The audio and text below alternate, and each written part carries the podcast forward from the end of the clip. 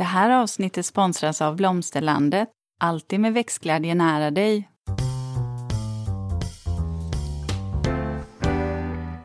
Välkommen till Ulrika och Lindas trädgårdspodd.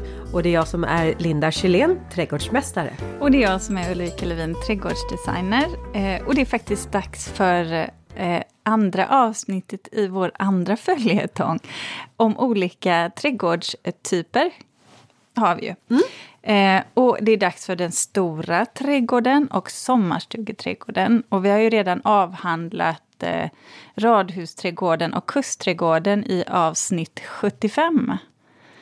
Eh, och ja, det här tror jag vi båda har en del eh, tankar kring. Eller faktiskt. framför allt så skulle jag vilja säga att den stora trädgården, gisses vad jag kommer nu sitta och eh, lyssna på vad du har att säga. För jag står ju inför en stor utmaning. Eh, hur, hur stor är en stor trädgård? 37 hektar? Nej, det behöver inte vara. Men jag, jag tänker väl att en stor trädgård bör väl ändå vara någonstans, ja, säg åtminstone 3000 kvadratmeter och däröver. Okej, okay, det är en stor trädgård. Ja, mm, det tycker mm. jag. Ja. Mm. ja, men vad bra, då har vi definierat det ja. så här i början. Ja. Men du, vi brukar alltid ställa frågan till varandra. Vad har du hållit på med sen sist vi träffades? Det har ju varit valborg och första maj. Eh, det har faktiskt varit väldigt härligt. Det är återigen eh, en sån där milstolpe att man är på väg, eh, verkligen på väg mot sommaren. Ja, om man är, och du, det kan man se ut i mitt växthus. Ja. Och, ja, ja. Oj, ja, fortsätt. Ja, och, nej men så jag har, um, ja, men jag har, jag tycker jag har så många roliga jobb på gång och jag blir så fascinerad över alla olika typer av hus och som jag springer på allt ifrån väldigt moderna, otroligt häftiga Eh, byggnader också rent konstruktionstekniskt. Och sen som hos dig på Åsbygård, verkligen en, en gammal Eh, alltså en, en, gammal gård med äldre byggnader och ni har ett tänk och hela din arts and crafts eh, inspirerade, eh, inspirerade tankesätt. Och, det, är, det är så himla roligt för det är ju sådär som jag, jag har, jag har faktiskt aldrig tråkigt när jag går till jobbet. Det har jag tänkt på. Sen är det, sen är det ju jätteintensivt nu. Ja, ja det, he, he, så det är går, det ju. Det går ju ett. Nu är man ju lite i den perioden att man börjar känna sig lite, lite trött, lite jagad. Um, och så vet man att det är att hålla ut i två månader till innan det är ja, semester det är faktiskt, ungefär. Ja, det är två månader är ja, det, sagt, det, det, det, är intensivt. Jag tycker också att det oftast är jag intensivt också familjemässigt. Jag har ju två barn som eh, Ja, mina, jag är fyra, men oh. de två, jag har ju bara två som bor hemma och eh, det är ju fortfarande en hel del. Du vet, man ska skjutsa till träningar, matcher, eh, det händer saker, kalas, allt sånt som är roligt men... Ja, allt sånt där som man inte har fått göra på nästan två år. Ja, Ja. Eh, men som faktiskt, det blir tid. Ja, det är tid det. Ja. Eh. Jag kan ju hålla med dig. Och framförallt som jag sa, man ser ut i växthuset att det är saker på gång. Och det är som att så länge som jag har de här förodlingarna på gång i växthuset så kan inte jag... Alltså då är det en intensiv period. Det är först när de är utplanterade i marken som man kan börja koppla av. Så kanske att jag kommer till lite mera lågsäsong före dig. Så att ja, första juni då måste vi ha lämnat det här eh, huset, vårt hus och eh, växthuset. Så att där kan vi snacka om att jag har en deadline. Förra året när jag planterade ut, då började jag någon gång i slutet på maj och höll på en hel månad med utplanteringen för jag hade ju räknat fel. Jag trodde jag hade 300 plantor. Men jag hade ju, det var väl snarare ett par tusen plantor jag hade. Ja. ja sånt får inte hända i år för att jag kan inte hålla på och plantera. Men nu har du ju 37 hektar. Ja. Eller hur?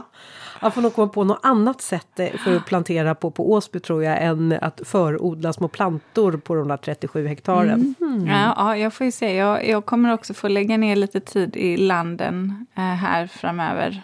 Ja. Um, ja, vi, ja, vi får se. Det är alltid spännande. Ja, är men jag ska, jag ska försöka så här säga varje år, men i mm. år vill jag verkligen göra det. att försöka njuta lite av den här tiden, för annars så tycker jag att den försvinner så fort. Och det är ju så, ja men vi båda har väldigt intensiva dagar. Mm. Och det är lite tråkigt det där, eh, när en inte kan ta de här kvällarna och helgerna. Ja, jag håller med dig. Ja, den här, just i maj månad, då är det ju mycket mässor som eh, vi är ute på. Ja, det måste vara speciellt ja. för du reser ju ändå en ja. del i ditt jobb. Ja, jag gör det. Så nu är jag faktiskt bara precis hemma här och landar innan jag och drar vidare på eh, Trädgård Uteliv i Örebro blir det i helgen. Ja. Mm. Örebro. Ja. Örebro. Jag vet inte varför jag säger så. Är det, har man en dialekt så där? Eh, jo, men det har du. Du har ju lite den där, lite gnällig så. Mm. Men jag älskar det, mina kusiner bor i Örebro. Ja, jag ska ja, på ja. fest eh, där. Jaha. I Örebro Oj. i juli, bara så ni vet. Ja, okay, Eller okay. lite utanför. Men, Bra. ja, då vet alla det. Ja, Närkinga. Min pappa är från Närke. Så att. Ja, ja. Min farmor bodde i Askersund. Så, så att, du oh, vet. Men du är ju nästan i Åsbytrakterna också då? Det är inte så långt ifrån. Det är liksom Västerås. Ja, ja det är väl en bit ändå. Okej, okay, det eh, kanske Men okej. Okay. Ja. Ja. ja. ja. Men, men hörru. Ja, gud, nu börjar vi, vi prata vidare? om annat. Vi glömmer bort att vi har en podd här och att vi ska lära ut eh, lite saker också.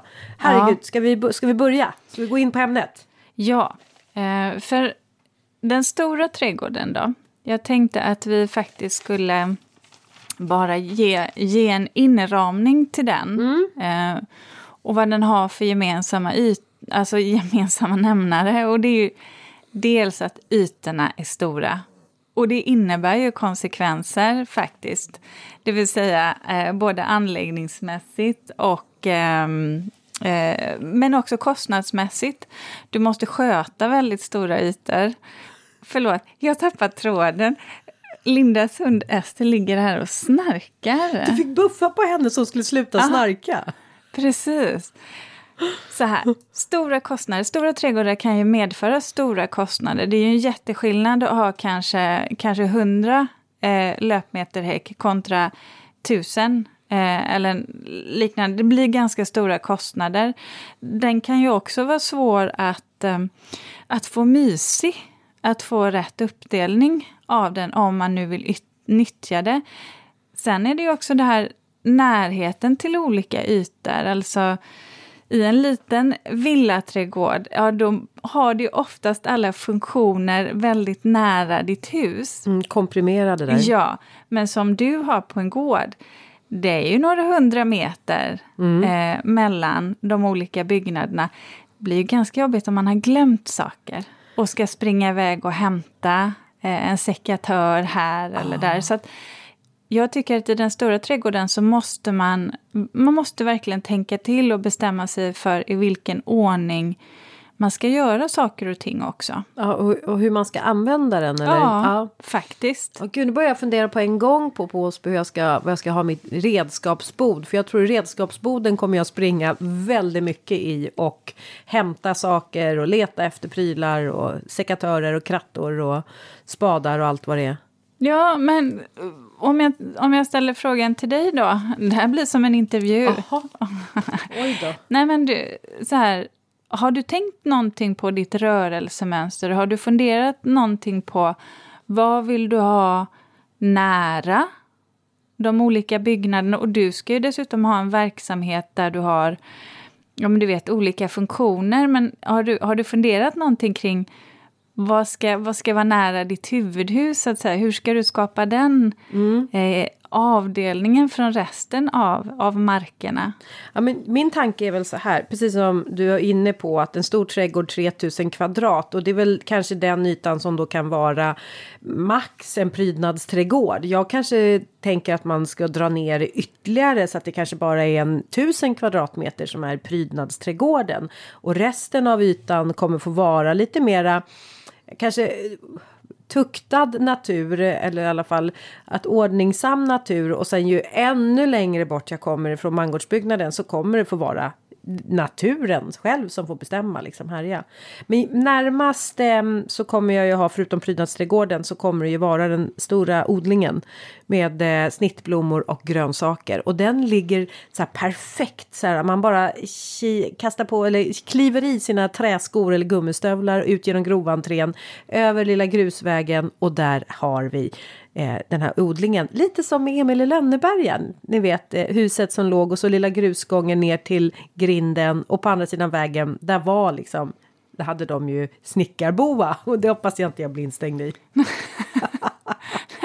det blir jobbigt. Då blir Jonas ensam alla djur och ja. allting. Ja, ja, ja, men det är väl han som skulle stänga in mig i sådana Gud, fall. Gud vad roligt det hade varit. Ja. Han får inte lyssna på det här så han får idéer. Nej, det hade Nej. varit jättes, jätteroligt. Han så hade du knackat den ja. när någon var Linda någonstans. Det är hon. Ja, hon sitter och snickar på. Ja, men då går jag och. Ja. Nej, men så att den kommer faktiskt ligga väldigt nära. Men sen är det ju så här att jag ska ju ha hästarna på gården. Och hästarna kommer jag ju behöva gå till ja, två, tre gånger om dagen. Kommer, de, kommer jag nog behöva till dem. Eh, men där vill man ju inte ha dem för nära gård eller mangårdsbyggnaden för att det, det är ju ändå flugor och lite lukt sådär. Så att, men eh, snitt och grönsaksblomsodling eller grönsaker och snittblomsodlingen ska vara nära. Mm, och det är ju det som, som blir viktigt faktiskt för att, att tänka till kring så att man har att man kanske har funktionerna nära. Att man ser till att man har vatten närheten, att man har arbetsbänkar, att man har redskapsbord där i närheten. För det är ju så att när man har en stor trädgård så är det ju det är ju en fantastisk ynnest också att ha så mycket yta. Du kan ju jobba med helt andra typer av växter, alltså stora träd och större buskar. Eh, samtidigt då så, så blir det ju som du sa, det här det blir ett himla massa gående fram och tillbaka. Så att det som behöver vara nära huset, som vebo, mm. eh, sådana här praktiska detaljer. Det det också ha nära ja, huset. kan mm. vara smart att ha nära. Eller att man samlar dem, att man har ett litet kluster av byggnader. Så att allting blir eh, konkret och väldigt tydligt. Sen kan jag tycka att det är fint så som du planerar också, att man gör verkligen en ordnad trädgård nära huvudbyggnaden. Eh, och verkligen inreda den. Och sen så kan man låta naturen ta över ju längre bort ifrån man kommer, eh, huvudhuset man kommer. Och då blir det också en väldigt enkel avdelning. Och säg att man nu har gjort en trädgårdsdel nära huset som du kanske har en omgränsa, alltså du har en häck som avgränsning som omgärdar den här ytan med öppningar i. Eh, och sen där utanför kanske du väljer att ha din gräsmatta och sedan lite större träd, eh, lite mer parkkänsla. Och sen lite längre bort, det kanske blir skog, mm. beroende lite på hur din tomt ser ut. Ja. För det är ju en, en, del kanske bara har en ren skogstomt och då mm. har man ju helt andra förutsättningar.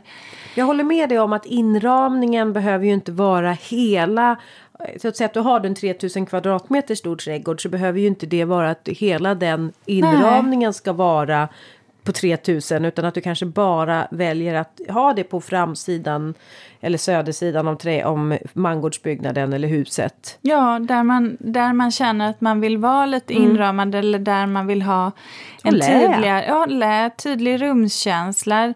Där man någonstans vill kunna styra sin blick, sitt perspektiv, där man har sina uteplatser. Men sedan då, om det nu är så att man skulle vilja annektera lite mer av sin egen tomt. Säg att man har den här gräsmattan utanför då som inte är så användbar. Eh, eller den är ju användbar jo. men den kanske bara används till gräsmatta mm. just där och då. Skulle man sen vilja utöka sin trädgård, ja men då har man ju faktiskt möjlighet att göra det i steg två. Ja. Eller där kanske du lägger din fruktelund till exempel. Mm, mm. Så att man måste någonstans, jag tänker som man tänker en en tavla som i, i perspektiv. Mm. Alltså, ju längre ifrån byggnaden man kommer desto vildare kan det bli. Ja, det. Sen, sen är det ju som sagt var så att det är ju också väldigt häftigt att jobba med lite oregelbundna, en oregelbundenhet i en stor trädgård. Eh, så, så man kanske har en lite mer formellt trädgård in vid huvudhuset eller gångar och sen så kanske det verkligen kan vindla sig iväg i ja. ett woodland eller en skogsparti. Mm. Och öppna upp sig. Och även om man bara har en naturträdgård så kan jag fortfarande tycka att man kan jobba med samma princip. Lite mer arrangerat in vid huset och sedan kan man släppa det ut mot det vilda. Um, för det, det, där vet jag att vi kan få en del frågor skickade till oss till podden. Hur man gör när man just har en stor trädgård och hur gör man mellan det här brytet mellan prydnadsträdgården och det vilda. Liksom, hur ja. gör man för att det ska ske naturligt? Ja. Och där vet jag att vi oftast brukar säga att man kan ju plant alltså, plantera just lite mer friväxande buskage om ja. man nu vill ha en avgränsning. Eller ja. också att man har någonting som liksom leder en vidare ut i det vilda. Kanske mera perenner eller träd eller buskar som har en vildare karaktär men som fortfarande är förädlade sorter men som flörtar med eh, tallarna där borta men det ja. kanske är en mera förädlad form. Och du kan ju också ha en häck och sen ser du bara trädkronor ja. ovanför det på andra sidan men att man har perspektiv och öppningar då mm. kanske. Det kanske är, eller så är det som man nästan skapar en anlagd jättestor perennarabatt som blir vildäng som som, som man kan passera över. Det är ju snarare det där som du var inne på från början, att man behöver definiera hur stor yta ska min trädgård vara? Ja. Sen vilken inramning du ska ha, det kommer lite handla om stil, lite vad du har för vyer. Eh, ni har ju det ganska tacksamt för ni har ju mycket eh, bara åkermark och skog mm. i anslutning till er gård. Men i andra, i andra fall så kanske man har någon granne eller man kanske har någon väg, något som man vill avskärma sig mot och då behöver man ju tänka på det också. Mm. Sen är det ju så här, ska det skötas, ska, det, ska man ha maskiner för att hantera trädgården? Det ja. behöver man ju också tänka till. Vad är det för kring. maskiner du tänker då? Traktorn ska köra in för att... Ja, eller framförallt så här, gräsklippare. Ja. Och hur ska, man, hur ska man göra med alla de delarna om man nu ska ha gräs i mm. sin formella del av trädgården. Eller om man lägger den från, alltså på utsidan. Sen kan jag tycka sådana här vackra saker som köksträdgårdar och sånt. Det behöver man ju någonstans ha. Det kanske man också ska tänka att man ska ha lite inhägnat för mm. att slippa mycket vilt. Ja, speciellt om det är en lantlig trädgård så då får man nog bara räkna med att det, det kommer man kommer bygga en trädgård på det vilda djurens mark. Ja. Och då, men det är också sådär, man, då har man ju oftast inga problem med ytan eller Nej. med grannar. Utan man kan fortfarande då eh, göra som en inhägnad. Men ett sätt som jag vet att en del gör, kanske sådär, och som jag vet att vi ska passa oss för, det är att inte ha för mycket, som jag vet att du brukar kalla det för gråa ytor. Ja. ja vad är det då? Eh, Om du förklarar. Jo men det är hårdgjorda ytor eller grusytor. För det är ju sådär att när man har en stor trädgård så är det ju det är så himla enkelt och grusa upp. Ja, och jag kan, jag säger det, nu säger jag det inom situationstecken, slösa bort ytan. För det är så stora, stora ytor så man vet liksom inte riktigt vad ska jag ha det till. Och sen så är man, äh, gud vi drar upp det och så har man en väg som typ två lastbilar skulle kunna åka på. Det finns ju egentligen ingen anledning att ha det så. Vet man att man ibland får eh, många gäster till exempel, då skulle man kunna jobba med gräsarmering till exempel. Som, eh, det är som en typ av ehm, eh, betong, eller det finns andra material också. Och sen så lägger man helt enkelt, som man ängsgräs däremellan. Mm. Det är ju ändå en hårdgjord yta så att du kan köra upp med en bil. Eh, men den syns ju inte och för för djurlivet så är det mycket, mycket bättre än att ha de där stora hårdgjorda ytorna. Mm. Det måste funka naturligtvis. Mm. Men det är ju bättre, det är ju alltid bättre med eh, gröna ytor. Ja. I princip alltid i alla fall. Än en hård, eh, för stora hårdgjorda ytor. Ja, Satsa ja, ja. mer på grönt i så fall. Mer på grönt, ja. ja. Det hjälper ju till att svälja vatten mer om det skulle bli eh, extremväder eller ja. översvämning. Ja. Mm. Men du, eh, om vi tänker på att få till de här stora ytorna mysiga. Ja. vad, hur gör vi där då? Vi pratade om att man kan ju ha en, liksom en inramning där man sitter för att skapa vindskydd. Eh, hur, eller finns det andra sätt att Nej, jag tänker det är lite samma sak som i en, i en liten trädgård eller man behöver ju bygga upp de här väggarna, taket, inramningen, perspektiven som på, på samma sätt som man gör eh, med vilken trädgård som helst. Det är ju ännu viktigare det där att man tänker på faktiskt att man får till den här eh, känslan av ett rum eller en inramning eller någonting som är vackert för ögat. För att det kan ju också vara nackdelen med en eller nackdelen, svårigheten med en stor trädgård kan ju faktiskt vara att eh, där man kanske inte har grannar tätt inpå. Det kan ju vara det att man inte är så noggrann med sina perspektiv, att man tycker att det spelar ingen roll. För vi behöver inte insynsskydd, för det är ingen som ser oss. Men det kan ju fortfarande bli det här att om man placerar uteplatsen så att man har en gång bakom eller att det blir att det känns lite omysigt, lite otryggt att sitta där. Eh, då är det ju snarare så att man måste jobba med mysighetsfaktorn. Eh, och då behöver man nog få känslan av intimitet eh, lite bättre. Mm. Sen hur man jobbar med de olika ytorna, det beror ju snarare på vilken stil man har. Då skulle man kunna lyssna på våra stilavsnitt där. Eh, hur man gör faktiskt. Mm. Ja. Eh, ja, nej, men det är ju helt klart det att man ska måla med stora penseldrag men inte allt för stora penseldrag så att man eh, gör det eh, omysigt. Nej, och man kan ju alltid göra så här, för att det är ju återigen det där med kostnader. Hur eh, man kanske kan mäkta med den där delen nära huset och sen så tycker jag att det är jättebra att ha en plan för resten av av eh, ytorna också. För det handlar ju lite om hur man vill ha sina rörelsemönster. Mm. Men om man tittar på växterna, eh, om vi ska säga någonting om växtvalet. Ja. Då pratar vi om eh, barrotat är kanske att föredra eftersom, eller både ja och nej. Alltså för barrotat, ja det, du får ju mera plantor för en lägre kostnad. Men det, å andra sidan så kräver det ju en del skötsel. Vad tänker du om barrotat? Och... Ja, Ja. Mm, eh, Okej, okay. du var tvungen att... ja, nej men så här. Jag tänker på hur jag själv gör. Till, till de flesta av mina kunder så rekommenderar jag ju alltid krukodlat. Och det är ju för att eh, eh, det är lättare att hantera. Man får så att säga, de är kontrollerade, de har fått ett gott rotsystem. Du kan, eh, de är lite tåligare än barrotsväxter och eh, ska man använda barrot så måste man veta hur man ska hantera dem. De kommer ju ofta från kylar. Eh, och då behöver man plantera dem ganska snabbt faktiskt, mm. även om du sätter dem i lite vatten. De ska ner i backen Direkt. Pronto. Ja. Eh, alltså. och sen är det alltid ett svinn, det ska man ju tänka på. Eller jag tycker man får räkna in att det oftast blir ett svinn mm. med barrotsplantor. kan bli upp till 10 procent ibland. Det är eh. bra att du säger, för det, ja. det, är sånt som man inte tänker på. Jag planterade ju här ute i min lilla trädgård här. Eh, men jag blev lite irriterad därför att det var ju kruk, krukor. Men det var ju inkrukat.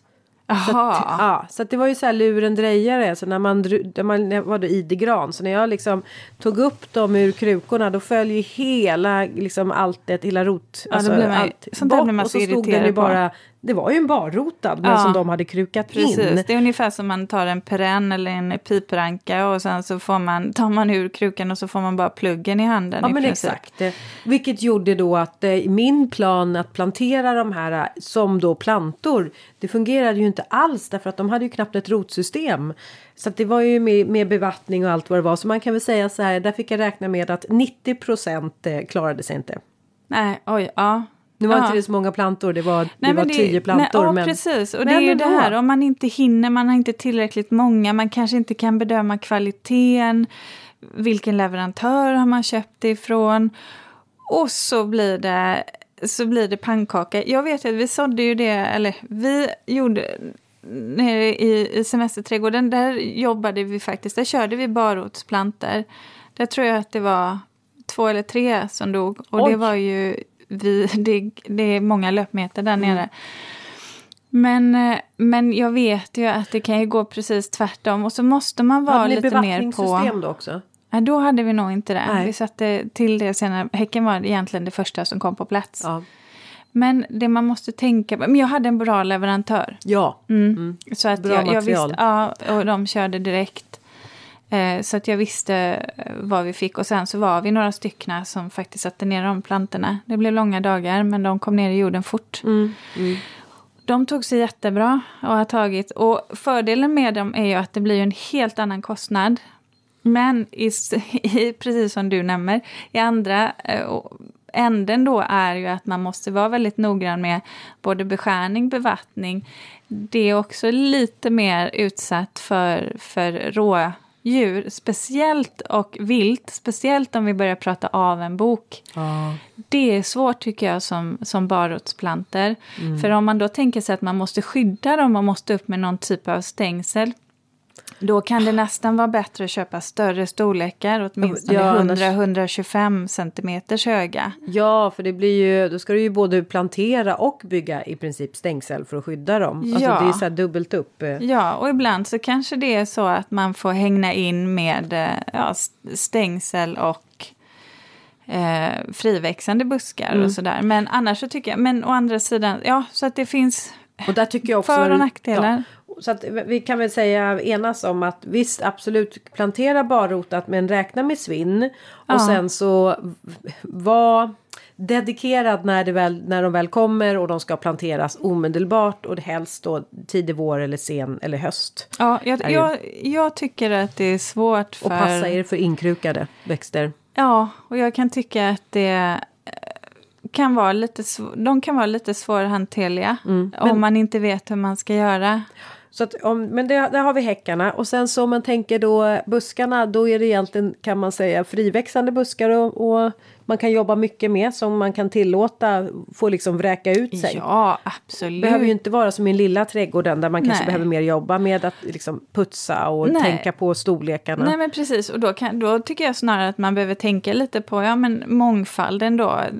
Ha lång blomningstid på allting. Du kanske inte har grannar i närheten, alltså som man har i en urban miljö där det oftast finns väldigt många olika typer av trädgårdsväxter. Eh, och sen kan man ju också välja på vissa ställen då lite mer snabbväxande buskar som ja, men en fläder till exempel. De kan ju bara växa på sig som, som attan. Ja, Ja, hassel är ju samma sak. Mm. Så att, och också ganska sådär äh, i sin karaktär också eh, förädlade eh, prydnadsbuskar men som finns i det vilda. ja. Och träd kan man jobba med hur mycket man vill ju. Ja. Det är det som är så himla lyxigt. Alltså, och där, Ulrika, där, ja, och där jag- kan jag tycka att var inte rädd för storleken. Har ni en stor trädgård, dra upp lite större Mm. träd och buskar. Vet du, när vi köpte Åsby, eller blev ägare till Åsby här nu, då var faktiskt det, säljarna sa till mig lite förbifarten, "Ja, sen finns det ju en park här också. Alltså jag kan nästan säga att det var det som fick det att tippa över till köp! Ja, vilken lyx. Ja, jag är lite, lite avis på de där 37 Ja, hektar. Ibland inte. nej, ibland inte, det Nej. vet jag att du inte heller är. Men, Ja. men det är ju... Det är, ju, det är ju allt jobb som är involverat Ja, i det vet- också. Och ja. så är det ju. Och därför kan jag tycka också så här, har man en stor trädgård, lägg upp en plan. För, för att det är en helt annan kostnad och det är en helt annan arbetsinsats. Och här beror det ju på egentligen vad man har för budget som, som, som hus och tomtägare Ja. där. Och det är ju här som du kommer in Ulrika. För jag tänker att du kommer hjälpa till och, och skapa den här planen. Och sen och, kommer ju inte vi sätta den i verk det här första eller kanske andra året. Men vi kommer jobba på den här planen och vi kommer hålla oss till den här planen. Vilket kommer leda till att vi kommer inte bli stressade för att vi vet att vi har en plan. Som vi kommer sakta så här med maklig takt ta oss igenom Ja, efter. För Så det, att- ja, för det är ändå klokt att titta återigen på det där eh, mantrat rörelsemässigt. De här sakerna som ändå bara måste funka. Sen om det är bara ängsgräs eller stora delar är gräsmatta, absolut. Men hellre grönt än grått. mm. kan vi väl enas om. Ja, i ytmaterial. Eh, ja, och sen tänk till att göra de här olika delarna så att du bara egentligen som ett litet lego kan addera på sen. Mm.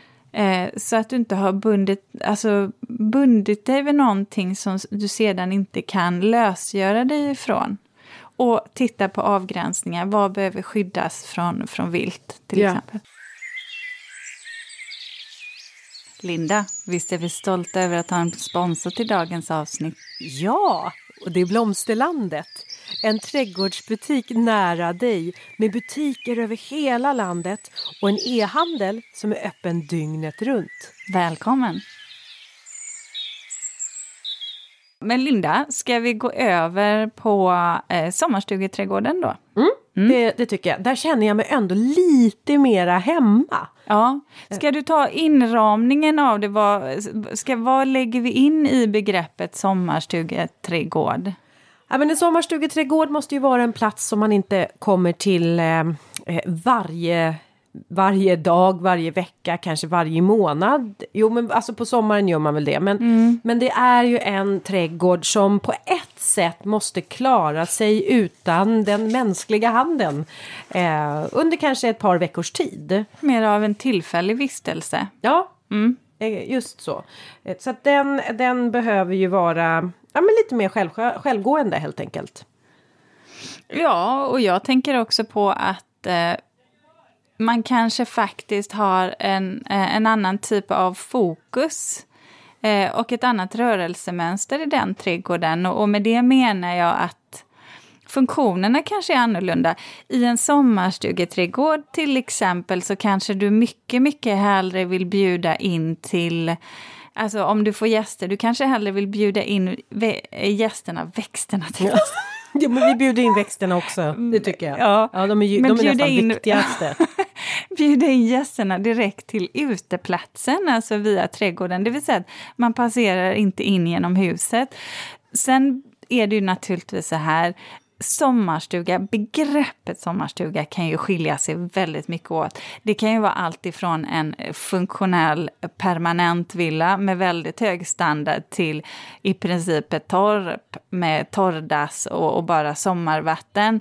Så att, eh, ja, ja, vi förstår att eh, det här... Det Det kan vara beror ett spann. Ett, eh, Exakt. Det går inte att generalisera Nej, och en likadant sommarstuga. de som, som åker ut kanske varje helg kontra de som faktiskt bara i princip kan vara där på eh, försommarhelgerna och under sommaren för sen stängs sommarvattnet av. Så att, men, men poängen är nog att vi tänker oss den här sommarstugeträdgården där man inte är särskilt ofta i alla fall och där huvudfokus av vistelsen är på sommaren under semestern. Mm, just så.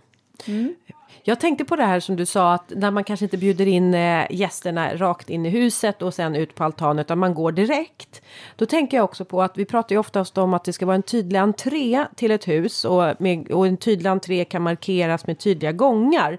Men om det är någonstans som det faktiskt skulle kunna vara okej att inte ens ha en gång fram till huset så skulle jag säga att det har med sommarstugan. Ja, för där kanske man bara går direkt från eh, parkeringen. Det kanske inte är möjligt egentligen. Det kanske inte alls är naturligt att gå in genom en huvudgrind direkt mot entrén. För det kanske inte ens är en väg eller en väldigt liten grusväg. Men kanske alltid kommer med bil till Ja. exempel. Alltså vi har ju, nu har vi ju ett hus ute i skärgården och där eh, har vi en liten grus, eh, liksom väg, pytte pytte pytte som liksom går över hela liksom så här. Men ifrån den lilla grusvägen då ligger våra hus ut med den och där har vi aldrig haft någon grusgångar in till till vårat hus utan det är ju liksom en, en eh, gräsmatta. Och det är väl egentligen, dels så tycker jag att det blir lite för prydligt med den här grusgången. Och sen så ska jag säga så här, vi går ju nästan alltid barfota där. Ja. Och gå barfota på en grusgång, aj, aj, aj. Jag menar då vill vi ha gräsmatta. Det, är Ja. ju liksom, det är lite av ens natur så här. Och det, det, där tycker jag, det är, åh, jag älskar att du tog upp det där Linda, för Ja. att det är ju någonting som när jag pratar om hur man rör sig på tomten, jag vet att jag har nämnt det tidigare, men just det här, fundera lite över Eh, Vilka skor vill, du har på dig? Ja, om du har skor på om dig. Om man vill kunna gå barfota runt hela sitt hus eller på vissa, till vissa viktiga ytor. Där kan jag tycka att just i en sommarstugeträdgård, där har man oftast inga skor på sig, beroende på naturligtvis var den ligger. Eh, så jag håller helt med, jag tänker på ett hus jag gjorde ute på Muske. Ett jättefint hus, liksom rent permanent, alltså det, det är ju full standard och så här, men man har ändå just det här, exakt samma sak, väldigt enkelt, gräs, knappt någon grusgång fram till entrén utan man ska komma upp och kommer upp på trädäcket. Och helt rätt där. det kanske till och med att det sätter stämningen för att det här är ett enkelt eh, levande. Ja. Att här, här tar man just då och ska vi inte vara så inramade utan här får man leva lite mer fritt på sommaren. Ja, men så, och det tycker jag, det känns ju helt rimligt eh, faktiskt att, att ha den approachen på, på den här typen av trädgård. Sen återigen när jag pratade om det här med funktioner så när vi pratade om att man kanske bjuder in folk direkt till, till sin uteplats så är det ju också så här Eh, man kanske gör mer saker ute än vad eh, du gör hemma. Ja, du kanske vill ha en utedusch, du vill kanske duscha nakenfis eh, utomhus. Det är ganska härligt på mm. sommaren. Eh, sen beror det ju på hur, hur tätt husen ligger och ifall man kan få någon form av eh, privatsfär naturligtvis. Men det är ju någonting som man kan plocka ut, tycker jag, mer naturligt i en sommarstugeträdgård. Likadant ett utekök kanske med rinnande sommarvatten, en, en ho eh, och sedan så att man kan stå ute och grilla för att ja, vissa sommarstugor är ju små. Eh, det är kanske mycket enklare att skapa den här typen av eh, funktion på utsidan faktiskt och jobba på det sättet. Plus att det blir mysigt. Ja. Tak kan ju också vara väldigt viktigt. Någon typ av segel eller loggia eller någonting så att man kan krypa in eh, om, om det blir kallt. Jag tänker också på de här små utom, uteplatserna som absolut inte behöver heller ha en direkt plats. Här, gjord eh, en altan eller det kan lika gärna bara vara bara ut med möblerna och ställ där under på gräsmattan vid äppelträdet eller eh, under rönnen. Att det är eh, det är ännu mer att man använder sig utav naturen som eh, Eh, som både väggar och, och golv än att du behöver anlägga. Och sen så jag kommer ihåg eh, den sommarstugan som vi hade när jag, när jag växte upp. Den låg ju väldigt lantligt. Men just det jag kommer ihåg som var så himla mysigt, det var ju, ju möjligheten att äta frukost många gånger på utsidan. Eh, inte bara middag som det ofta blir, eh, i alla fall i vardagen eh, för mig hemma om man tänker utifrån, om jag tänker utifrån mitt eget perspektiv. Eh, men det var just det där att vi hade en plats att kunna äta frukost på morgonen. Du vet, fil och jordgubbar eller... Oh. Jag tyckte det var så... Jag kan fortfarande komma ihåg det. Jag tycker ja, alltså, det är mysigt och det känner de, jag, det är något vi har tagit med till våra barn. Oh. Men de mysigaste platserna som jag kan tycka är att sitta och äta så frukosten på. Det är nästan så på trappan på förstukvisten. Bara slå sig ner där och bara. Åh, och ofta kanske så här, några ligger fortfarande kvar och sover. Och man sätter sig där. Man har någon, någon katt. Man har någon katt som leker på gräsmattan. Eller ja, där kommer djuren in. Ja, där kommer djuren in. Nu är mina akvariefiskar kommer snart in. Nej, men, eller som ja, men barnen vaknar tidigt och de håller på liksom busar runt. Eller på studsmattan eller något. Och att man sitter där och. Men du, apropå gräsmattan måste jag säga en sak ändå. Ja. För att gräsmattan är ju det är en, en ganska användbar yta för lek och liksom ja. sällskap. Så ja. den, den, känns ju som också något utomhusvistelse liksom att man eh, att man eh, vill, ja, men vill ha en gräsmatta. Men man vill ju inte hålla på och klippa en gräsmatta eller och det, då är det ju faktiskt så här att det finns ju speciella grö, gräs eh, blandningar som man kan använda sig Aha, av. Jag, jag trodde du skulle komma in på robotgräsklippare. Ja, men den, ja, nej, den har vi inte pratat om. Va? Nej. nej, men vi kan prata om den sen. Ja. Den, absolut. Ja. Eh, men jag skulle men... nog faktiskt säga att fritidsstugan skulle kunna låta bli en robotgräsklippare. Jag skulle hellre satsa på en eh, gräsblandning som har lite mer så här, kortväxta eh, sorter och som också tål torka. Mm. Eh, men, och då kommer vi tillbaks till det här är så, alltså allting hänger ju ihop. Men nu kan jag bara koppla an till våran sommarstuga. Där har vi en gräsmatta. Men vi klipper ju aldrig våran gräsmatta. Vilket gör att när vi inte klipper den, då blir ju inte det heller liksom, den blir inte så, får inte så mycket näring. För när du klipper en gräsmatta hela tiden och låter gräsklippet ligga kvar, då kvävegödslar du ju gräsmattan och då behöver du ju klippa ännu oftare.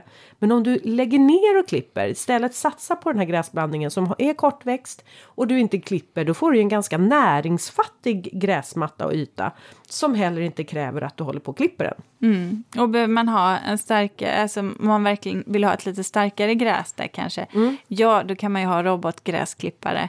Eh, för det går ju på el eh, ja. och, och, smidigt, men, men, inte nattetid. Inte eller nattetid. Hur? Ja, mm. de är ju ute och kryper och de eh, far lite illa av eh, de här robotgräsklipparna. Ja. Och jag skulle ju faktiskt säga så här, skippa och gödsla gräsmattan alltså, på, på landstället. Jag tycker faktiskt det. Jag tycker att en vacker så här, perfekt gräsmatta ute i liksom, en lantlig miljö. Jag, för mig så skär det sig någonstans. Men Den får här... gärna vara lite torkad och gul.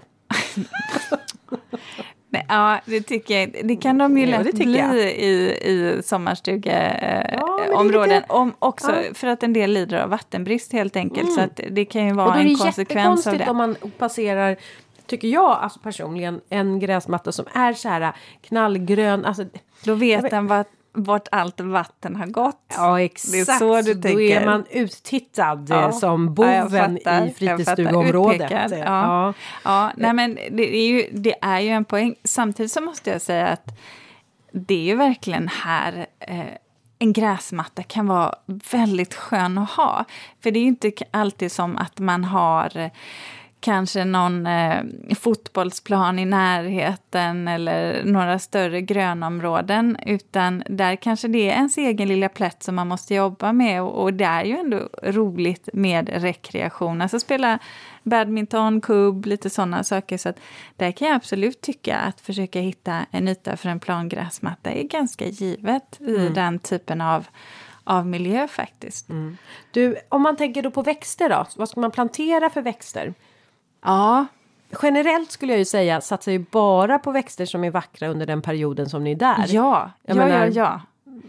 Är ni där, vet ni att ni kommer vara där tidigt, så här, vi, eh, tidigt på, um, ja men någon gång där i maj, sådär, uh, mors dag eller någonting. Mm. Ja men det är klart, bara sätt fart då på hösten och plantera höst, alltså, höstlökarna, sätt dem i jorden så ni får njuta utav dem. Ja, ja, ja, ja, och sen så framförallt ha tåliga växter som tål alltså dels ståndorten, alltså växtplatsen som du stoppar ner växterna på. Eh, men de ska också klara lite torka, lång blomningstid. Jag tycker många buskar är fantastiska.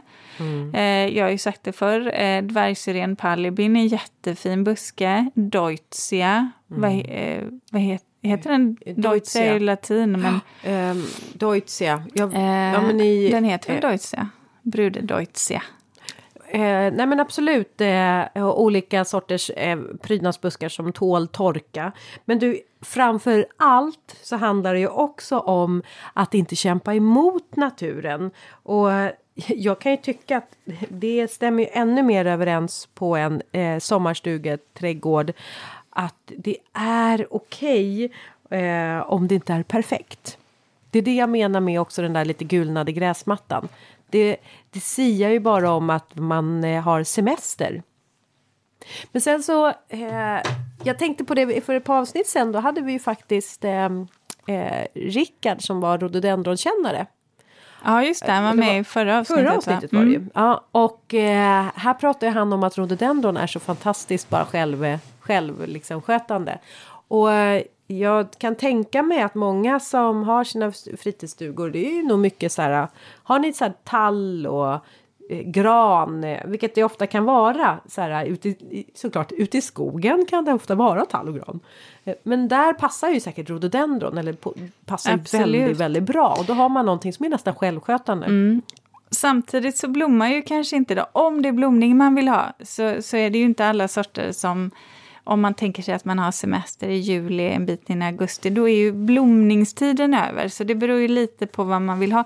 Men då kan man ju komplettera. Mm. Men det är också just det, jag håller med dig om, jobba inte mot naturen utan där, där måste man vara eh, kräsen mm. när man väljer växter och verkligen titta på, funkar det här? Ska man ha en doftsjasmin eller vad är det du vill ha? Är det en perenn som klarar sig Och så satsa på bra? de här äh, enkla växterna som lavendel. trivs. Ja, lavendel och som Nepeta. heller inte kanske blir uppätna av eh, rådjur. Ja. Eh, lavendel igen. Ja. Eh, jag vet eh, hos min mamma, hon eh, har på hennes eh, landställe där har hon planterat eh, honungsrosor.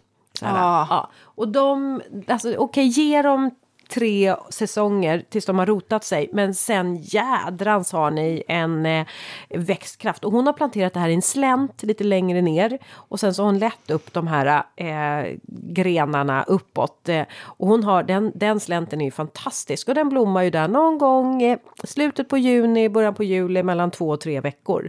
Och man har ju otroligt många växter att, att välja mellan vid den tidpunkten också, när det blommar i juli. Mm. Eh, rosor funkar ju alldeles ut med gammaldags buskrosor till exempel. Mm.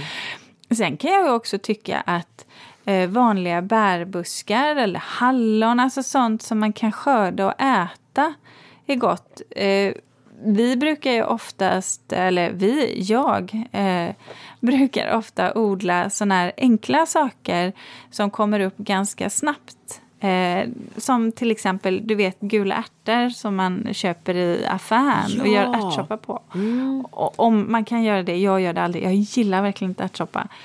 Eh, men jag gillar då, bara pannkakan. Ja, exakt. Varför ska man få i sig ja, det där andra man börja så? Man Annars gå... gillar jag ärtor så, mm. men ja. äh, ärtor... Ärtskott gillar vi. Ja, för det, det är det jag så. Ja, ja, precis. Det är det jag brukar så. Eh, och då, det är väldigt, väldigt enkelt. Man tar en eh, bytta eller behållare och så lägger man kanske 5-6 centimeter jord. Man behöver inte alls ha mycket mer jord än så. Och sen så häller man bara ut eh, ärtorna ovanpå på jorden. Man får ju packa jorden lite då och vattna igenom jorden först, självklart. Men sen häller man ut eh, eh, häller man ut eh, ärtorna ovanpå och ser till så att de ligger tätt, tätt. Eh, de ska inte ligga på varandra. Och sen ibland kan man sätta lite, lite plast ovanpå. Det är viktigt att det är hål i botten så att överskottsvatten kan rinna ut. Men sen kan man lägga lite plast över tills dess att de gror och beroende lite på temperatur. Ibland så skiter jag i plasten också men då får man ju vattna lite mer. Och sen så kommer ju de väldigt, väldigt snabbt faktiskt. Så att om man nu alltså, vill... dra igång en egen lite mikroodling ja, hem, ja. inne i liksom lilla torpköket. Ja, det är så himla, det är så himla enkelt och det är så himla gott också. Så att det finns ju faktiskt växter som du kan odla själv. Eh, bara som du kan ha och äta av när du är eh, i sommarstugan. Ja, och ska man då ha till exempel ettåriga, nu har vi pratat mycket den här våren om eh, blomsterlökar. Och har man då ja, dahlior eller liljor, gladioler, då kan man ju faktiskt satsa på, eller frösår till snittblommor i krukor på altanen. Och gärna så här, ställ krukorna gärna om man har en altan, men ställ dem gärna på hjul så att när ni lämnar stugan eh, efter helgen så kan ni köra in dem där lite i halvskugga, skugga. Så att det inte står så utsatt eh, utan och sen när man kommer tillbaka så kan man rulla fram dem igen i solen. Eh, en, en kruka som, eller en krukväxt så att säga, eller något som jag brukar plantera i krukor som är så här extremt ja, dåligt. Det ja. är taklök. Jaha. Vad ja. tänkte du att jag skulle säga? Jag trodde du skulle säga ingefära. Jaha, nej men det har jag absolut gjort. Det är, också, det är en väldigt fin växt att ha. De blir så här frodiga och Vem trodde att jag skulle säga ingefära? Inte ens jag trodde jag skulle säga nej, ingefära. Men jag nej, faktiskt... det är nog bara för att vi har pratat om ja, det så här under lunchen. Men eh, Ja men ingefära har du en, du har eh, det där är ju intressant med ingefära. Du sätter en ja. knöl. Ja, men ska vi, ska, jag tänkte jag tar taklökarna då. Ja, nu byter jag ämne. Ja, ja, nej, det ska till sommarstugeträdgården där. Det är så här att taklökarna eh, är ju oerhört torktåliga. De kräver i princip ingen näring alls och vill sitta i väldränerad jord. Så jag brukar faktiskt Eh, jag har gjort själv så när jag använt dem att jag har nästan använt en sån här gammal krukjord, du vet som man har haft. Ja, men som, är, som är nästan ingen mull kvar Nej, i, den precis. är, bara, den är gjord, den Väldigt är, den väldränerad. Ja. ja. Så kan man fylla på med lite, men det ska inte vara mycket näring och sen så sätter man den där i kruka och du vet, de klarar, ju, de klarar sig ju hela tiden. Ja. Bra krukväxt. Vet du vad jag gör ute på, på landet? Ehm, ja, nu, är, nu äger vi vår egen mark där ute. Mm. Så att jag går faktiskt iväg ut på bergen och sen så tar jag och gräver upp grästuvor. Så här, Ja, du vet det. Du, det vet lyssnarna också, ifall de har lyssnat på Radhus och Kustträdgården. Aha, har jag sagt det här? Ja, det har jag sagt. Men okej, ni som inte har lyssnat på det, för ni är ju så otroligt många nu som börjar lyssna. Alltså Ulrika, vi slår ju publik, publik. Vi slår ju lyssnarrekord, gör vi. Ja. Varje vecka. Ja, ja, ja. Så nu kanske det är några som inte har hört det. Och då kan jag säga, då tar jag min spade och så går jag ut och så tar jag och hämtar en riktig rejäl grästuva och det kan ju vara lite annat som finns med i den också. Ja, sommarblommor. Sommarblommor ja, någonting. Ängsblommor. Eh, ja, äng, ja. Som eh, jag då sätter då i, i krukor på altan. Och helt plötsligt så har jag plockat sen naturen närmare altan. Mm. Det är så fint, så fint. Snyggt. Ja, ja. Det tycker jag är jättefint. Så att, ja. Men just att tänka till kring hur, mycket, hur stor insats man orkar eh, göra. Mm. Men du, om man vill skapa eh, lite lä då? Kan man göra det på något sätt lite enkelt?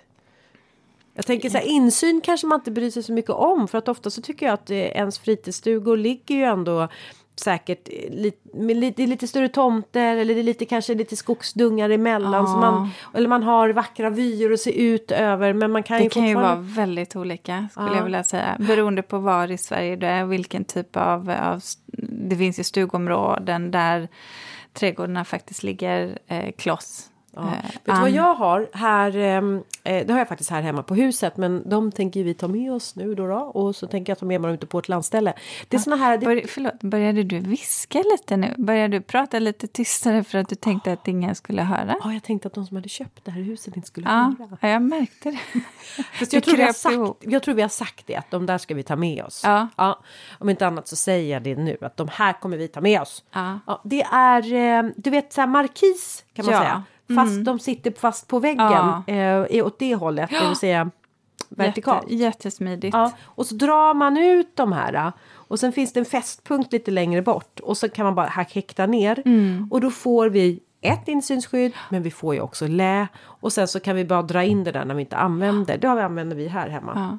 Sen hoppas jag, sen tycker jag ju alltid att växter hör hemma i en trädgård även om man har ja. en sommarstugeträdgård. Såklart. Men man kanske får tänka till lite på, eh, på vad man väljer eh, och tänka lite kring funktion att man ofta går barfota Eh, man vill kunna ha mycket utevistelse även kanske om det är lite dåligt väder. Eh, ja, så man kanske har ett annat... Eh, Vi måste annan... ha en lite mer avslappnad inställning till våran sommarstugeträdgård och tillåt det att få vara lite mer operfekt.